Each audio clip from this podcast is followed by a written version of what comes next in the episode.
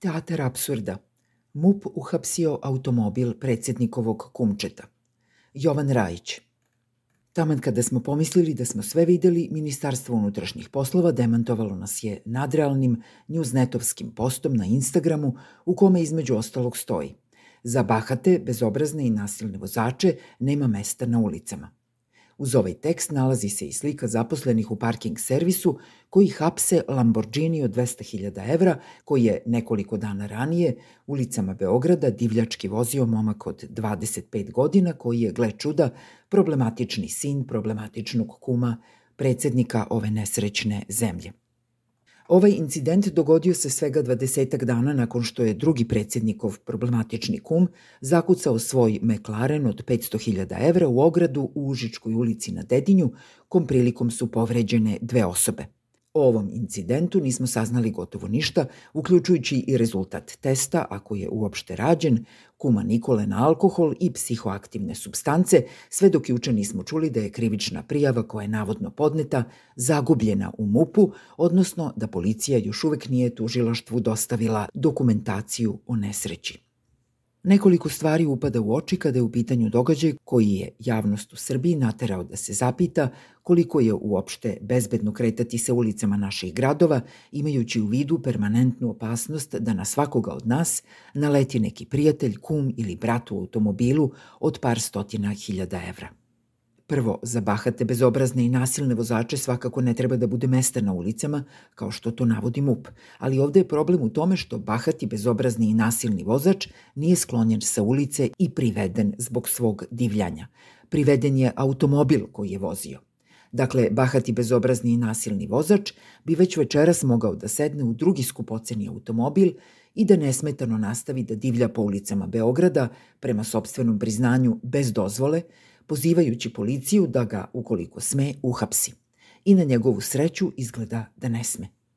Dalje, da stvar bude gora, ovo nije prvi ozbiljan saobraćeni prekršaj koji je Kumče napravilo. Avgusta prošle godine u Budvi, negde oko 4 sata iza ponoći, mladi pana je vozio suprotnom trakom u centru grada, zbog čega je od strane crnogorske policije, koja očigledno nije znala sa kim ima posla, kažnjen sa 300 evra. Izgleda međutim da ga ova kazna nije ničemu naučila. Vratio se brži, jači i bolji i svoje divljanje nastavio po beogradskim ulicama. Ako je verovati pisanjima medija, za svojih 25 godina uspeo je da sakupi već 84 saobraćajna prekršaja, što ga verovatno čini rekorderom u ovoj kategoriji. Mi smo država u kojoj je važno koga poznajete, ko vam je prijatelj, a ko kum. To svi znamo.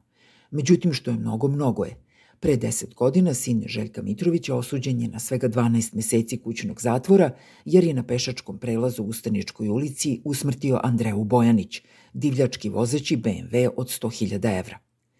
Iako su paralele ove vrste u najmanju ruku neukusne, moguće je da je mladi pana na ovom primeru video da nema tog problema i nepočinstva koje se ne može amortizovati i rešiti ako poznajete prave ljude. Zato kum Čepana po mrežama poziva policiju da ga uhapsi ako sme. Može da prozove i tužilaštvo, tamo je slična situacija. Podignite optužnicu ako smete. A i ako se optužnica podigne, uvek će predmet moći da se dodeli odabranom sudiji koji će imati razumevanja za mladu usijanu glavu. Ali ključno pitanje i poenta priče jeste koje to poruke šalje građanima ove zemlje, onima koji nemaju kumove i prijatelje na visokim pozicijama, automobile od 200 i 500 hiljada evra i koji svoju decu vaspitavaju u duhu opšte prihvaćenih društvenih vrednosti i normi. Za početak hapšenja automobila i zaturanje krivične prijave vređaju elementarnu inteligenciju građana. Besni su jer ih moralni talog ovog društva već deceni unazad pravi ludima, pokušavajući da objasni neobjašnjivo. Na primer, kako je problem sa bahatim vozačem rešen zaplenom njegovog automobila i zašto je potrebno 20 dana da krivična prijava iz MUPA bude prosleđena tužilaštvu. Besni su jer im se čini da ništa ne mogu da promene. To nas dovodi do onog čuvenog skloni se, pusti budalu, čuvaj glavu. I tako se svim prijateljima, braći i kumovima sklanjamo već godinama, a oni se šire kao voda, zauzimaju sve veći prostor i pomeraju granice prihvatljivog. Konačno, čak i oni koji žele da se suprotstave vide da institucije neće zaštititi ni njih ni javni interes. MUP hapsi učesnike protesta protiv bušenja nasipa i nelegalne gradnje na Šodrošu, ali ne i obskurne kumove i kumiće. Tužilaštvo se razračunava sa tužiteljkama koje hapse korumpirane rukovodioce EPS-a, a ne te rukovodioce. Sve je ovde poremećeno, jer prijatelji, braća i kumovi su svetinja i u to se ne dira šta god da urade. A obični građani, sklonite se i čuvajte glavu.